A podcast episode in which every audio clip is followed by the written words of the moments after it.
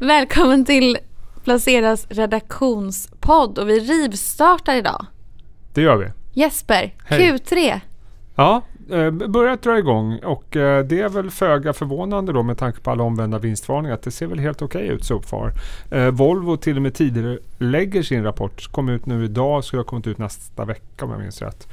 Och ja, de säger väl det som många andra säger att återhämtningen går lite snabbare än väntat. Intressant också att Daimler kom med positiv vinstvarning precis. Per Ståhl är också här. Hej, Hej. kul att vara här. Ja. Men eh, ja, Q3 som sagt, Sandvik fick vi precis. Ja, eh, Minus var ner- 3,5 procent. Den, den, nu när vi pratar här så var den ner. Vad, vad kan man säga om den då? Ja, de sa väl att återhämtningen går bra men det är fortfarande väldigt osäkert. Är det det man reagerar på? Orderingången var lite lättare än väntat. eh, Och man säger att SMT ska särnoteras tror jag målet 2022. Jag vet faktiskt inte vad förväntningarna låg där. Man hade hoppats på att det skulle komma tidigare. Eh, Ja, men- vid första anblick så såg det ut som att den var ganska mycket liksom eh, i, i, i som, Ja. eh, efter, som förväntningarna var. Ja, och att uh, orderingången liksom negativ men inte fullt så farlig som det var tidigare. Så, så den känns ju som den följer. Jag har verkligen inte tittat i detaljer men eh, samtidigt så är ju mm, Whispers är kanske lite högre nu med tanke på att det är så många som har kommit med omvända vinstvarningar och rapporterar Att man om liksom snabb... förväntar sig över förväntan. Ja, nästan höll jag på att säga. Vi pratat om det i tidigare rapporten. Vad händer med de rapporterna som inte når förväntningarna? Det kommer att bli jobbigt tror jag. Mm. Ja. Eh, per, du har ju skrivit om något väldigt intressant den här veckan. Idag kanske till och med. Idag ja, Idag, precis. ja. Dagen till ära. Eh, Fredagen till ära. fredagen till ära, precis. Eh, Momentumaktier. Just det, aktier som är vinnande trend. Eller vinnaraktier, kort och gott. Och, och, och, och vad, liksom, vad, vad kan man ta med sig från det då? Eh, först och främst, hur definierar man en momentumaktie? Ja, bara där börjar ju problemet. ja, men momentum, det, det kan man säga. Eh, prismomentumaktier. Det är Mm. kanske mer eh, riktig definition på det jag skrev om nu senast. Eh, det aktiepriset har gått väldigt bra över en, vad du nu har för mätperiod under tre månader, sex månader, tolv månader. Det, det är ju lite upp till betraktaren då vad man vill ha som, eh, vad du mäter för period. Men det, det är aktier som går bättre. Som att, alltså de har ett vinstmoment, eller priset går upp, det, de går bättre än, än marknaden och ja, de är de aktierna som går bäst över, över Men den här Det som jag blev, Mm. kanske inte jätteöverraskad, men ändå lite sådär tänkvärt, det var att det inte var särskilt mycket högre risk i de här aktierna heller. Nej. Precis, det, det slår ju lite att vola, det, ju, det var lägre risk än globalt eh, aktieindex. Eh, det var MSCI som har räknat båda indexen. Eh, vilket är eh, jätteintressant. Men jag tror att det finns en annan momentumfaktor. Det är även vinstmomentum. Att vinsterna ökar ganska mycket i de här bolagen. Ja, det är väl det man... Jag traditionellt när jag tänker på momentumaktier, då tänker jag på att man vill äga aktier som har en positiv eh, estimatutveckling. Ja, och jag, jag tror att stora delar av den Mm. här, de här du fångar upp ha- har, ja men det är Apple, det är Amazon, det är Microsoft, Nvidia. Det är ju bolag som ökar vinsten och har ökat vinsten under flera års tid nu. Eh, Adobe, United Health Group. Så det är, det är den typen av aktier som fångas upp. Det låter ju som en, eh, du hade väl kollat på någon ETF där, men det där låter ju nästan som en teknik-ETF förutom någon Ja, det blev ju ja. väldigt mycket teknik, mycket USA Ja. eh, framförallt. Eh, Men gäller det här då, om vi säger att vi, nu har vi en lång period av där teknikaktierna har gått väldigt, väldigt bra. Har det alltid varit så här? Eller vet man det? Eller tänkte jag, Ja, men det finns ju studier. Jag tittade på... MSCI hade beräkningar från 1994. Vad blir det? 26 år ungefär. Eh, då har det gått betydligt starkare.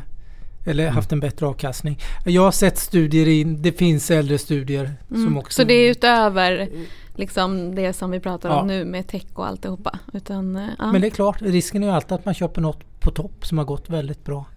Så därför kanske man ska ha en portfölj eller flera bolag om man nu ska använda den här. Men det är väl fortfarande så. Strategin. Det låter ju ändå ganska rationellt att du vill eh, investera i aktier som har ett positivt vinstmomentum, Mm. estimatmomentum. Eh, och, och så länge man har det, då går det ju också att motivera att värderingarna hela tiden kan förbättras, Mm. eller hur? Det låter ju fullständigt rationellt i och för sig. Ja. Eh, på tal om det, något Mm. som inte är lika rationellt som jag fick... Eh, jag har varit iväg lite, smugit iväg lite på förmiddagen faktiskt. Det jag träffade en hälsovårdsförvaltare. Vilka då? Eh, Renman och Partners. Ja, Träffade, träffade Henrik. Henrik och Henrik. eh, Urmark. Ja, men idag var det, Var bara, bara Henrik? Det var bara Henrik. Ja. Kanske har, jag frågar inte men det kanske är lite covid att båda ska inte vinna samtidigt. Jag vet inte. Eh, men, eh, och då pratade vi mycket om hälsovårdssektorn. Dels att det är amerikanskt val Mm. nu. Eh, där inte några sakfrågor har varit särskilt stora. Så hälsovårdssektorn har ju inte, Nej, som det det brukar bli var fjärde Nej. år, hamras. Och det Det är brukar mycket. alltid vara den sektorn som det är nästan oftast är mest fokus på i Det samband med val. är Det har varit Och så väldigt- händer det väl inte alltid så väldigt mycket Och det händer nästan ingenting. Sen är det klart att Nej. covid är ju en hälsofråga givetvis. Jo, det är det men, såklart. eh, Men, vad men, gäller det, reformer, ja. mm, men där har det inte varit särskilt mm, nästan något fokus nu. Så det är fokus på mycket annat kring de här presidentkandidaterna då. Vilket är lite ovanligt. Men, men min poäng var att hälsovårdssektorn värderas väldigt lågt nu. Eh, både historiskt och väldigt lågt till övriga börsen. För det mesta är ju väldigt dyrt. Det har vi tangerat i tidigare Mm. poddar. Eh, men det jag tog med mig, det, dels var att den är, den är historiskt lågt värderad. Men att det är bra underliggande tillväxt. Tillväxten är, tangerar nästan tekniksektorn tillväxtmässigt. Men eh, värderingarna är något helt annat då. Tyckte jag var jättespännande. Får vi se att det ändå är lite sådär att det är en liten våt filt för att det är presidentval. Mm. Eh, För den, de brukar gå lite sämre. Sen, sen tror jag vad gäller hälsovårdssektorn, vilket är intressant med tanke på covid och det har vi också pratat om, det är ju att nu är det väldigt mycket fokus på de bolag som eh, bistår i eh, hanteringen av covid. Antingen om det gäller mediciner, vaccin eller utrustning som direkt används av det här. Vilket gör att man skjuter mycket annat på framtiden. Eh, och det, jag tror liksom fokus på hälsovård kommer öka generellt sett efter covid, vilket säkert kommer gynna. Jag tror många nationer har insett att nej, men vi har varit dåligt förberedda. Vi har lagt ner för lite på hälsovård, vilket kan tyckas konstigt i ett land som USA där man lägger enormt mycket pengar eh, i relation till Sverige till exempel. Så jag tror att det kommer bli en allmän efterfrågan kring Det finns en politisk vilja. Ja, en eller politisk vilja, acceptans precis. Och, ja. Eh, och dessutom är det ju så att vi har faktiskt under hela den här perioden sett ganska många förvärv. Eh, M&As, eh, uppköp och, och så vidare inom hälsovård. Eh, och de jag har pratat med ser ju inte att det på något sätt skulle dämpas framöver. Nej och sen så är den ju ganska, eh, sektorn så är ju, den är ju ganska uppdelad också. Väldigt. För, eh, för till exempel om då tittar på USA, de väger väl tunga i nästan alla fonder i alla fall. Mm. Så har ju väl sjukhusen gått otroligt dåligt. Mm. För att det är ju ingen som, ingen vill gå till ett sjukhus i onödan nu under, eh, under pågående pandemi. Så det gäller väl att, att liksom eh, titta lite på vad det är för någonting. Det är det ju alltid att göra men eh, det är ju, vissa blir otroligt jättedåligt drabbade och andra liksom Du har ju dentalbranschen, eh, ortopedi har ju liksom fått skjuta på det. Liksom, så att, och det måste ju finnas ett jättebehov när det här är över. Ja, så, så det som är, det finns den absoluta botten och den Mm. absoluta toppen ryms ändå i, Ja. i den här branschen. Men um, något som jag tyckte var intressant det var ju, och jag vill säga Göran Hägglund, han heter inte det. Eh, Hägglöf? Häggblom, Häggblom? Mattias Häggblom. Mattias. Robur. Förlåt. Ehm, han, um, hans var väl nästan mer orolig för den här nya domaren Just det. eh, än för själva presidentvalet faktiskt. Eh, eftersom att det inte, oftast inte blir så där väldigt eh, dramatiskt Nej. när, när man byter president. Men däremot eh, så skulle det vara liksom risken för att man river upp Obamacare då eller att den skulle vara inte enligt deras konstitution Mm. finns ju då när man byter ut. Så det var ju ganska intressant. Att Det det var- nämnde de det också? Ja, det var det Henrik nämnde. Och sen att det inte... Man vill göra reformer, det vill alla, men det har varit så svårt att genomföra. Även eh, Trump har velat genomföra eh, flera reformer som inte har gått igenom Mm. för Pelosi. De har bromsat och så. Att, så det är, han har också velat göra hälsovårdsreformer och sånt. Och Ja, han har ju gått sä- sänka bet. kostnaderna för läkemedelsbolagen och eh, att det ska bli billigare för patienterna. och Så även han har gått bet. Så, men det finns en reformvilja. Men den stora oron är precis det du tangerar. Det är det om man vill riva upp eller om man kan riva upp Obamacare eller delar av det. Men Henrik trodde inte det. För då, då skulle 20 miljoner amerikaner stå utanför systemet. När det dessutom är pandemi. Ja, Mm. precis. Nej, det tror jag är en taskig timing. Och sen vet man inte vad som händer i kongressen. Det kan ju vara så faktiskt att det finns ju massa scenarier. Men om Demokraterna vinner tillbaka senaten, då har de hela kongressen. Så att jag vet inte. Det- Alltså det här med reformer, precis som du är inne på Per. Man har försökt i Obamacare är väl egentligen den enda stora reformen. När Clinton höll ju på. Ja precis och då hade de ju majoritet också. Ja, det är lite det som Henrik pratade om att då fanns det. Då hade man alla tre Det här är väldigt. Men- kontroversiellt Mm. ämne i USA av eh, olika anledningar. Men, men eh, jag vet, sen tror jag, jag, jag kan inte så mycket om den här domaren. Ja, vi vet att hon är konservativ, socialt konservativ, men hon har ju så vitt jag har hört ett fantastiskt bra rykte. Alltså professionellt eh, i hennes yrke. Så att, och det ligger väl en press där också på att man inte kanske ska vara för politisk i början. Och så. Det, det är ett märkligt system där i USA. Men, nej, jag vet inte om det kommer Ja, men jag tror kontentan är väl att hälsovård är en sektor som kommer fortsätta tror jag gå bra. Ja, och att det kan bli större intresse och mer investeringar. Och Jag att den är lågt värderad. För det är inte så mycket som är väldigt lågt värderad idag som ändå har tillväxt. Nej. Och det händer mycket och det här har ju verkligen satt finger på hur otroligt effektiv eh, om man ser forskningen till exempel, hur fort det går när man mobiliserar liksom. Vad de kan åstadkomma. Så jag tror eh, mer fokus och mer pengar tror jag kommer komma till vården i väldigt många ställen. Mm. Tror jag. Ja, Mm. spännande. Det Mm. blir spännande att se Mm. vad som händer. Verkligen. Ehm, jag eh, har ju tittat på lite olika sektorer. Och det började egentligen med som en idé att de som är lite mer speciella ur ett vad ska man säga, värderingsperspektiv. Eh, men sen så var det ändå många som ville ha hur man väljer de bästa teknikaktierna. Eller techaktierna om man kan kalla det för det. Vilket ju eh, bara där liksom sätta igång vad är en techaktie och så vidare. Men då kommer vi väl ändå fram till att det är någon form av ett bolag som är liksom drivet av, eh, tech, alltså av teknisk tillväxt på något vis. Eh, och då kan det ju både vara något super super eh, högteknologiskt, eh, något jätteavancerat medicintekniskt men det kan också vara typ Storytel i en bransch som har funnits i flera, flera hundra år. Men eh, ja, jag tänkte bara kanske fråga dig då, för du har ju en del techaktier i din portfölj. Hur tänker du när du väljer techbolag, Per? Åh, nu blir jag helt överrumplad. Nej, men jag, jag gillar ju lite mycket framtidsteman. Mm.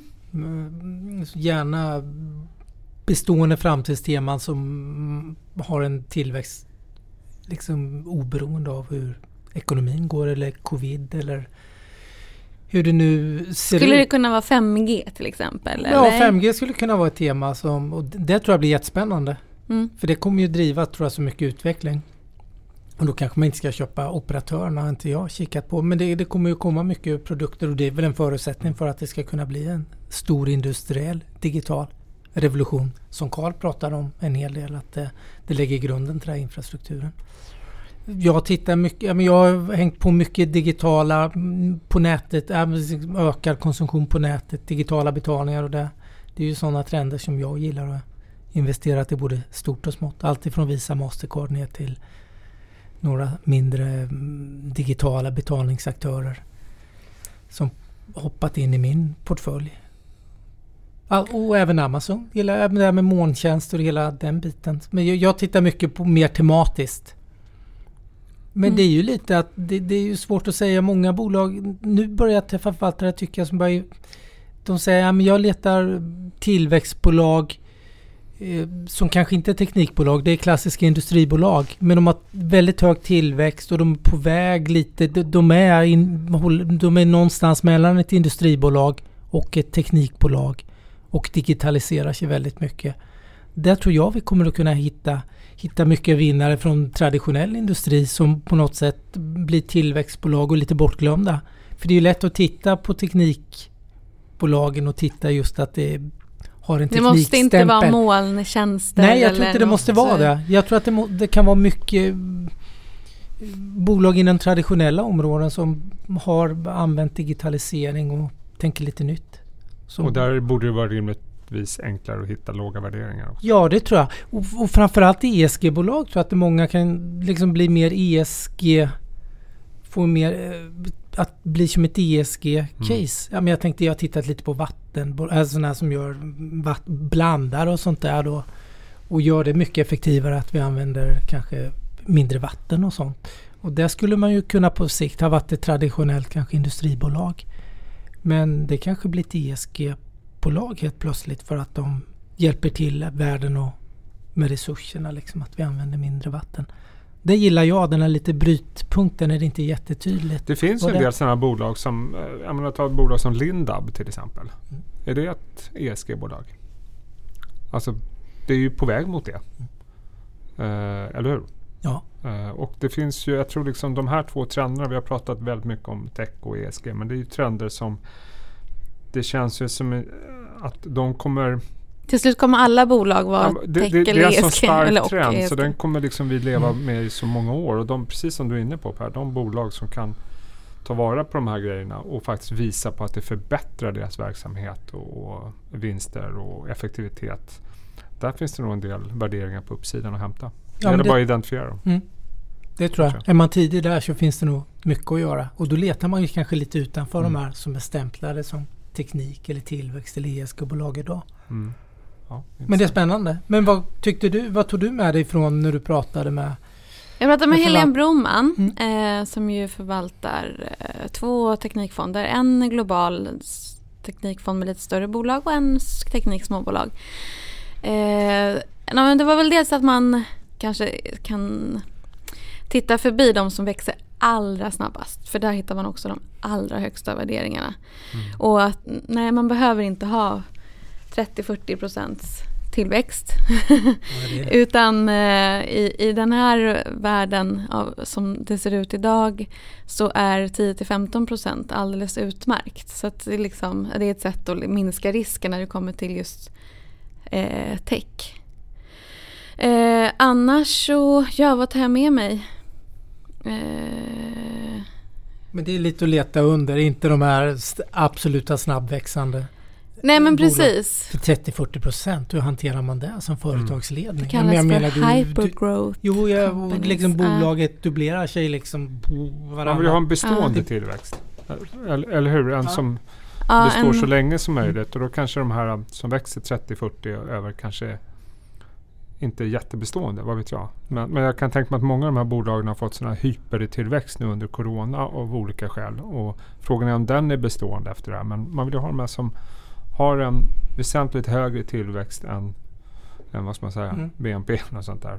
Som är bestående i flera år. Det är det man vill. Och det måste vara lättare för ledningen, liksom lättare Hantera, att styra bolaget ja. på, på, på ett bra sätt.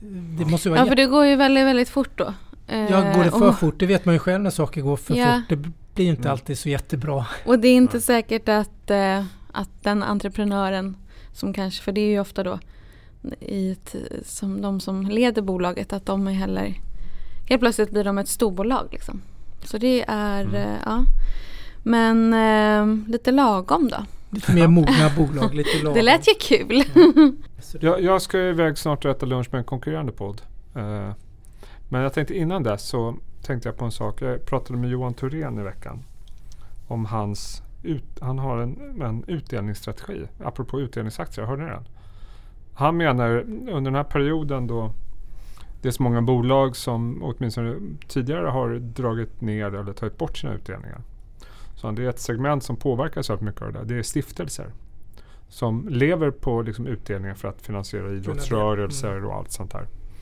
Eh, vilket gör att de bolagen som har återinfört eller som har utdelningar fortfarande kommer nog gå väldigt bra. För man måste köpa mm. utdelningsaktier. Eh, för de här stiftelserna är helt beroende av det. Så att de bolagen som vi vet kommer dela ut de kom, finns en möjlighet, eller man ska vända på risk, att eh, de får ganska höga värderingar. För att man måste ha de utdelningarna. Det är intressant. Så att hans tes var ju liksom, köp dem och sälj dem direkt innan utdelningen. Det jag finns en annan, ja. Ja, men fortsätt. Nej, det finns en annan aspekt på mm. just mm. det där. Eh, och det är att eh, ibland kan man undra, och, och jag har sett den också funderingen lite här och var.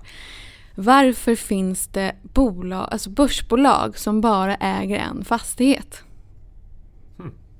För det finns ju sådana enfastighetsbolag. Som man, och det är ju Mm. samma. Mm. Det, den fyll, de fyller den funktionen. Ja. För de kan ha en direktavkastning på kanske 4-5 procent. Ja. Eh, och, och just av den anledningen att det finns så pass mycket kapital som måste Alltså de har, har det i sina stadgar liksom, som du säger. Så det är också, det är en annan grej, ja, varför det, ja, på samma problem. Ja men det är jätteintressant. Jag pratar ju, jag har ju faktiskt eh, skrivit om Japan, om Japan i veckan. Den kommer ut måndag. Men jag kan fronta den lite. Japan är en värdebörs. Mm. Eh, låga balansräknarna är jättestarka och lönsamheten har kommit upp sista åren. Och det var caset varför Japan kan vara bra. Det är för att här mm, tror den förvaltaren jag pratar med att eh, utdelningarna kommer att vara kvar. Bolagen har så pass starka kassor och allting och det, det finns signalvärde. Man kommer inte att sänka utdelningarna. Eh, betydligt mindre än vad det kommer ske globalt nu. Eh, och det är lite på samma tema. Han tror också att det kommer flocka till sig eh, mycket förvaltare som vill ha utdelning och då, då tittar man. Det är lite, Warren Buffett gick ju in nyligen i fem stycken eh, ja, värdekonglomeratbolag och gjort sina första japanska investeringar. Jag vet inte om det är första nu men det är första på länge i alla fall. Då. Eh, men det var lite samma tema också att det, det, det blir färre och färre högutdelande bolag nu efter Corona. Och eh, ja, i Japan finns det i alla fall sannolikheten att utdelningarna förblir där, där de var tidigare då för att eh, det är så bra balansräkningar och så. Och bolagen går ganska Så. bra. Men vad tror ni, Köp blir det utdelningsfest nästa år då? Eh, ja, det beror på vart den här pandemin tar vägen. Mm. Det beror på, med det Mm. svaret. Eh, var det ett bra svar? Det beror på. Nej men alltså förutsättningarna är väl kanske bättre nästa år än i år. Får man väl ändå hoppas. Om inte det här liksom spårar ut fullständigt. Men, nej, men så borde det vara. Man lär sig att leva mer också. Känns det inte också. som att folk har den förväntan på nästa år, eller? Jo, det tycker jag. Jag tycker det känns Jag som människor har väldigt det. höga förväntningar på allting nästa år. Men det tycker jag alltid. inför varje år. men men jo, det, så känns det väl att eh, förväntningarna är, tycker jag är ganska höga. Mm. På att det är Mm. liksom V-återhämtning och allt är tillbaka Mm. till det normala igen. Mm. Och det känns ju som det kan ta tid här. Ja, Tycker jag. Ja, ja. Det vi- vittnar Då slutar vi där vi började förra veckan. I en pessimistisk ton, eller gjorde du det förra Ja. Nej, en optimistisk. Det är ju man tolkar. Det är ju som vattenglaset. Ja, ja, precis. Ja. Det är alltid halvtomt. Men nu säger. måste du springa iväg till din... eh, Min vad var det? konkurrerande Konkurrerande, podd. konkurrerande Ja, poddlunch. jag ska inte podda med dem, jag ska äta lunch med dem. Jag ska inte. Det är bra. Får jag gissa? Vad? Eh, Olavi? Nej, Mhm. jag ska äta lunch med eh, herrarna på Börspodden. På Ah. Börspodden. Så trevligt. Trevligt. Ja. Vi glömde veckans stjärna. Ja, jag har ingen aning. Eh, Jag, inte, är det jag, någon jag, som- tyck- Nej, men jag, tyck- jag har liksom en veckans. Ja. stjärna Ja, faktiskt. Så det, det är det här lilla forsknings, cancerforskningsbolaget Oncopeptides. Varför en stjärna? Eh, För de har, de kom ut med pressmeddelande i måndags tror jag. Att Ja. de, de har ju en FDA-ansökan. Ja. Men nu ska de eh, även ansöka till eh, i, ut i Europa. Och jag vet inte vad heter Läkemedelsverket, det som är europeiskt. Ja, det heter det. I, Ja. E, e började på alla Mm. fall. Att man ska lämna in en ansökan. Aktien har gått väldigt bra. Och sen har man lyckats få en, en finansiering på ganska mycket pengar Okej. från Europeiska investeringsbanken.